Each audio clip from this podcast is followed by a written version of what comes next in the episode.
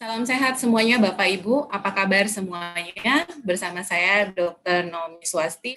Untuk Bapak Ibu tetap semangat sampai akhir acara dan tidak lengah tetap menerapkan protokol kesehatan dalam keseharian kita.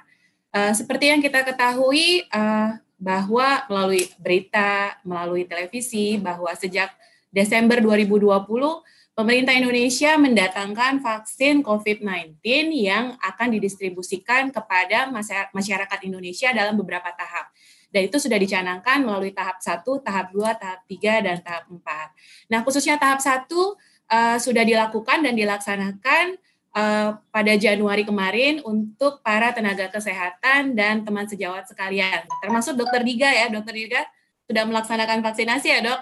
Betul, sudah dua kali dok uh, sudah dua kali. Nah, kira-kira pengalaman apa nih dok uh, waktu vaksinasi dan sesudahnya apa yang dirasakan oleh dokter Dirga? Ya, saya sih tidak merasakan demam, tidak merasakan pegel atau apa. Cuman saya rasakan itu uh, ngantuk ya, lebih dari biasanya dua hari yang pertama. Ya. Ngantuk tetap praktek di poli oh, dok atau gimana? Tetap ngantuk. Tetap ya, tetap ya. semangat ya. Baik, tanpa berlama lagi saya mengundang Dokter Dirga. Silakan dok untuk mengutarakan pemaparannya. Ya, selamat pagi Bapak dan Ibu uh, semuanya. Pada pagi hari ini kita akan ngobrol santai ya tentang vaksinasi COVID-19 sebagai upaya pengendalian pandemi. Ya, inilah situasi yang uh, kita hadapi uh, saat ini ya. Kita tahu bahwa sejak tahun baru kemarin angka penularan COVID itu masih tinggi terus ya kemudian setiap hari ada 11.000, 13.000, 14.000 kasus ya. Dan ini pandemi sudah setahun, pengobatannya sampai sekarang belum ditemukan gitu. Sehingga memang pencegahan uh, amat sangat penting. Nah, kita hari ini akan fokus bahas uh, vaksin COVID. Kita harus tahu dulu vaksin itu apa. Vaksin adalah suatu zat yang bila diberikan kepada uh, tubuh kita, ya itu akan menstimulasi sistem imunitas tubuh untuk menghasilkan kekebalan secara spesifik ya. Ada dua hal yang saya garis bawahi di sini. Yang pertama adalah vaksin itu bikin kita kebal. Yang kedua kekebalannya bersifat spesifik ya. Nah, jadi mudahnya gini, orang-orang yang tidak divaksinasi dia mesti sakit dulu baru dia kebal. Sedangkan orang yang divaksinasi dia kebal tanpa harus sakit. Bayangkan kalau sakitnya sakit COVID, masa kita mesti kena COVID dulu baru kebal ya. Nah, oleh karena itu inilah pentingnya vaksinasi. Dan sudah kita ketahui juga bahwa vaksinasi merupakan cara pencegahan penyakit infeksi yang paling efektif. Pakai masker itu penting, pakai jaga jarak penting, cuci tangan penting, tapi vaksin punya keunggulan. Vaksin membuat kita kebal. Nah, itu keunggulannya vaksin ya. Nah, apa yang terjadi saat vaksin disuntikan kepada tubuh kita? Kalau vaksin COVID itu disuntikan ya di otot, di lengan. Jadi saat vaksin disuntikan, vaksin itu mengandung komponen dari virusnya. Sehingga yang pertama, tubuh itu akan mengenali, oh ini ada komponen dari virus yang masuk ke tubuh kita. Yang kedua, tubuh akan melawan, di mana sel-sel radang akan menjadi aktif dan pada akhirnya akan membentuk antibodi. Antibodi inilah yang berfungsi sebagai pasukan uh, kekebalan. Dan tidak hanya itu, tubuh juga akan mengingat. Sehingga orang-orang yang sudah divaksinasi, lalu kemudian dia terpapar oleh virus COVID yang beneran di masa mendatang, maka antibodinya segera uh, terbentuk karena tubuh sudah punya uh, ingatan. Ya. Nah, kalau kita bicara tentang pengembangan vaksin baru itu prosesnya sangat rumit ya, di mana yang pertama mesti dicoba dulu pada uh, binatang percobaan ya, lalu setelah itu uh, dicoba pada manusia yang disebut sebagai uji klinis. Nah, uji klinisnya ada fase 1, fase 2, uh, fase 3 ya Kemudian uh, total ini melibatkan ribuan orang. Kenapa mesti ribet-ribet begini? Karena dalam membuat vaksin yang utama adalah soal safety atau keamanan. Yang kedua baru soal efikasi atau efektivitas. Dan semua vaksin COVID yang kita gunakan termasuk yang di Indonesia itu sudah melalui seluruh tahapan ini sehingga dapat dipastikan keamanan dan efektivitasnya ya. Nah, vaksin itu isinya apa sih? Kalau kita baca WA, baca Facebook, katanya vaksin itu mengandung janin, mengandung darah, mengandung bangkai, itu semua tidak benar ya. Nah, bahan kandungan vaksin yang utama itu disebut sebagai antigen. Untuk vaksin COVID, itu antigennya berisi virus yang mati, ya, bukan yang dilemahkan, virus yang mati. Kalau udah mati nggak bisa hidup lagi. Jadi mustahil kalau ada orang habis vaksinasi jadi sakit COVID itu tidak mungkin terjadi, gitu. Kemudian eh, vaksin juga mengandung bahan lain seperti adjuvan dan stabilizer untuk meningkatkan efektivitas vaksin, ya. Semua bahan-bahan ini sudah dipastikan eh, keamanannya. Nah, kalau bikin vaksin juga uh, ini ya apa sulit sekali. Ya, jadi bikin vaksin itu jangan dibayangkan seperti bikin puyer, zat A, zat B dicampur di mangkok terus diaduk gitu enggak ya. Dibikin di pabrik dengan fasilitas yang sangat canggih sehingga vaksin yang kita gunakan di rumah sakit, di klinik itu uh, terjamin kualitasnya. Itu tadi ya teman-teman adalah teori tentang vaksinasi. Sekarang apa buktinya bahwa vaksin itu betul efektif melindungi kita? Kita lihat yang sebelah kiri itu daftar nama penyakit. Difteri, hepatitis A, hepatitis B, campak, polio ya. Terus dibandingkan angka e, jumlah kasusnya sebelum dan sesudah ada vaksin. Kita lihat penurunannya drastis sekali, 100%, 90%, 80% ya. Ini adalah bukti bahwa betul vaksinasi ini memang efektif dalam melindungi kita. Bahkan pada tahun 79 itu ada penyakit yang musnah ya, disebut sebagai penyakit cacar atau smallpox di mana pada saat itu satu dari tiga orang yang sakit ini itu meninggal. Tapi berkat cakupan imunisasi yang tinggi, maka penyakit ini bisa hilang. Saat ini kita sedang berupaya menghilangkan penyakit polio, penyakit campak, dan penyakit uh, rubella. Ya. Nah, apakah vaksin punya efek samping? Punya. Ya, semua kedokteran, semua produk kedokteran punya efek samping. Vaksin, obat, tindakan operasi itu semua punya efek samping. Efek samping vaksin disebut sebagai KIPI, kejadian ikutan pasca imunisasi. Tapi dari penelitian kita tahu bahwa mayoritas KIPI ini itu sifatnya hanya reaksi lokal, yaitu sakit, bengkak, dan kemerahan di bekas suntikan. Ya. Nah, dapat juga terjadi demam, ya, kemudian lemas, ya, atau reaksi sistemik. Ini. Reaksi pasca vaksinasi adalah sesuatu yang wajar, karena ada proses perkenalan saat uh, antigen ya di vaksin itu disuntikan kepada tubuh kita, tubuh kita mengenali gitu. Tapi yang mesti kita ingat bahwa manfaat vaksinasi jauh lebih besar daripada kemungkinan timbulnya efek samping ini. Dan keamanan vaksin diawasi secara berkala. Bukan berarti kalau udah dapat uh, digunakan terus ditinggal gitu enggak ya. Jadi Badan POM mengawasi berkala. Di Amerika ada FDA, ada CDC, semuanya diawasi secara berkala. Kalau kita bicara tentang vaksin itu ada dua. Yang pertama untuk anak-anak ya. Nah, ini jangan lupa para orang tua ada jadwal imunisasi anak yang baru tahun 2020. Ini ada merevisi terhadap jadwal sebelumnya jadi mesti baca nanti ya baik-baik. Dan jangan lupa juga ada jadwal imunisasi orang dewasa yang disusun oleh Perhimpunan Dokter Spesialis Penyakit Dalam. Ini udah lama dari sebelum ada pandemi. Ada 14 jenis vaksin untuk orang dewasa di Indonesia Misalkan vaksin influenza itu harusnya diberikan kepada seluruh orang dewasa sekali setahun. Mau ada pandemi, mau nggak ada pandemi, ini harusnya vaksin diberikan secara rutin. Gitu ya. ya, sekarang kita masuk uh, lebih dalam tentang vaksin COVID-19. Tadi saya bilang bahwa penelitiannya masih uh, berlangsung. Saat ini tuh ada 100 uh, eh, lebih ya merek vaksin COVID, tapi sudah ada 10 merek yang digunakan secara luas di seluruh dunia baik penggunaannya terbatas maupun secara full approval. Dan sampai dengan uh, dua hari yang lalu ini di seluruh dunia itu sudah 107 juta dosis vaksin COVID yang disuntikan kepada orang. Ya, kita lihat Amerika, China, Inggris semua berlomba-lomba ya. Indonesia udah mulai ada muncul masih dari bawah pelan-pelan ke atas karena kita baru mulai sekitar uh, tiga mingguan ya kurang lebih. Dan kalau kita lihat uh, itu Israel juara satunya karena Israel sudah memvaksinasi lebih dari 25% penduduknya gitu. Intinya adalah saat ini tadi saya bilang semua negara itu sedang berlomba-lomba memvaksinasi penduduknya karena memang prinsip vaksinasi pada masa pandemi adalah vaksinasi yang seluas-luasnya dan secepat-cepatnya. Indonesia masih paling bawah ya, tapi udah masuk di chart ini berarti udah udah bagus dan semoga kita bisa segera uh, menyusul gitu. Nah, sekarang Bapak Ibu udah familiar sekali ya dengan merek-merek vaksin COVID. Ada AstraZeneca, ada Moderna, ada Pfizer, ada Sputnik. Bedanya apa sih? Bedanya adalah terutama dari teknologi pembuatannya. ada yang teknologi RNA, ada yang teknologi viral vector ya. Nah, kalau penyuntikannya sama, semuanya dua kali suntik. Efektivitasnya ada berbeda sedikit, nah, penyimpanannya berbeda. Misalkan vaksin Pfizer, itu mesti disimpan pada suhu minus 70. Jadi vaksin ini susah. Kalau kita mau kirim ke Papua, kita kirim ke Kalimantan, susah dong. Nanti suhunya di sana nggak terjaga bisa rusak. Oleh karena itu setiap negara punya pertimbangan masing-masing. Vaksin mana yang mau didatangkan. Jadi bukan asal milih ya ada ada pertimbangannya sehingga vaksinnya bisa didistribusikan ke seluruh daerah. Ini alhamdulillah saya sudah disuntik ini yang pertama tanggal 15 Januari ya. Lalu kemudian dua minggu kemudian saya disuntik 29 Januari ya sudah lengkap dan alhamdulillah sampai sekarang uh, sehat nggak ada keluhan apa pun ya.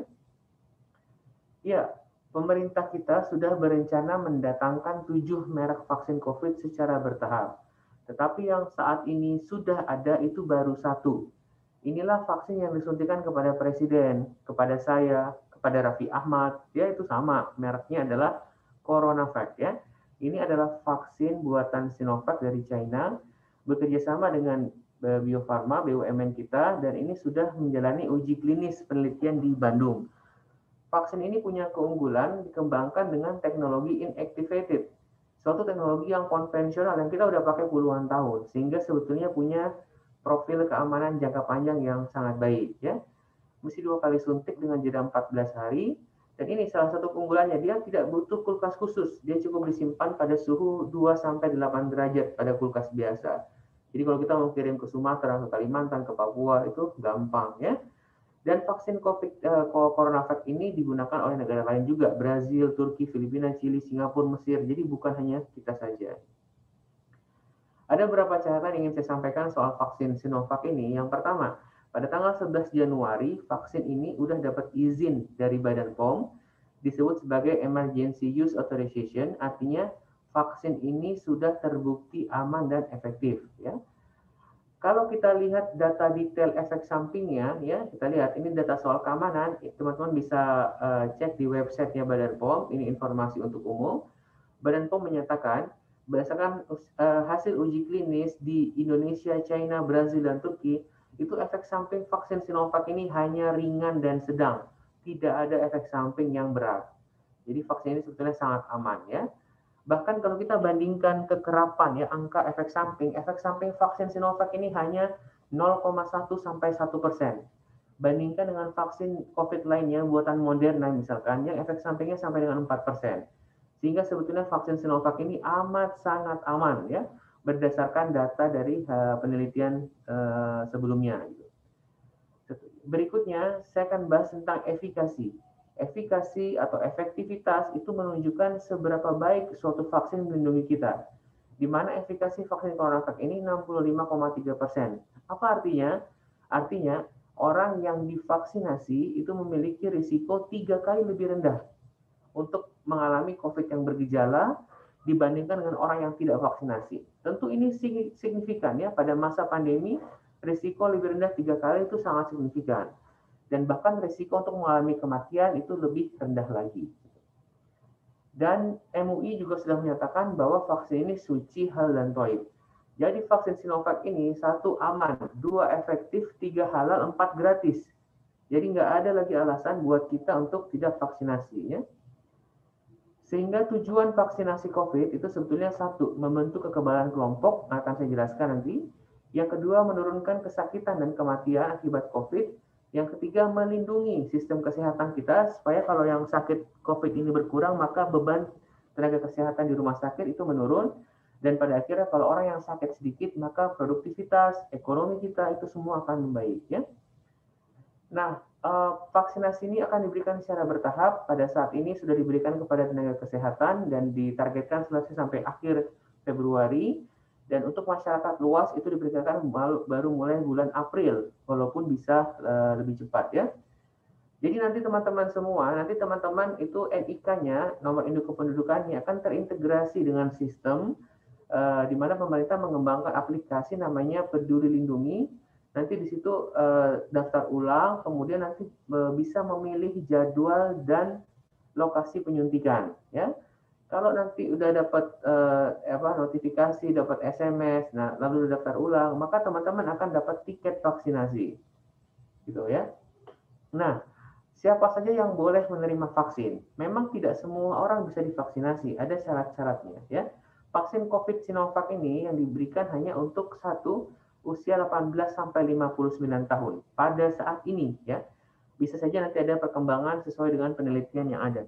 Yang kedua, tidak ada penyakit penyerta tertentu, akan saya bahas nanti. Yang ketiga, tidak sedang hamil atau menyusui. Yang keempat, tidak pernah terbukti terinfeksi COVID.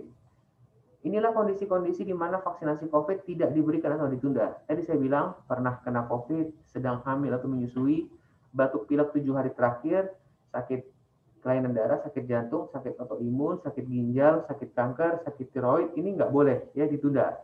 Untuk yang sakit gula, yang sakit darah tinggi, yang sakit HIV, yang sakit asma, selama penyakitnya terkendali, terkontrol, nggak jarang kumat, itu enggak sering kumat, itu boleh divaksinasi ya.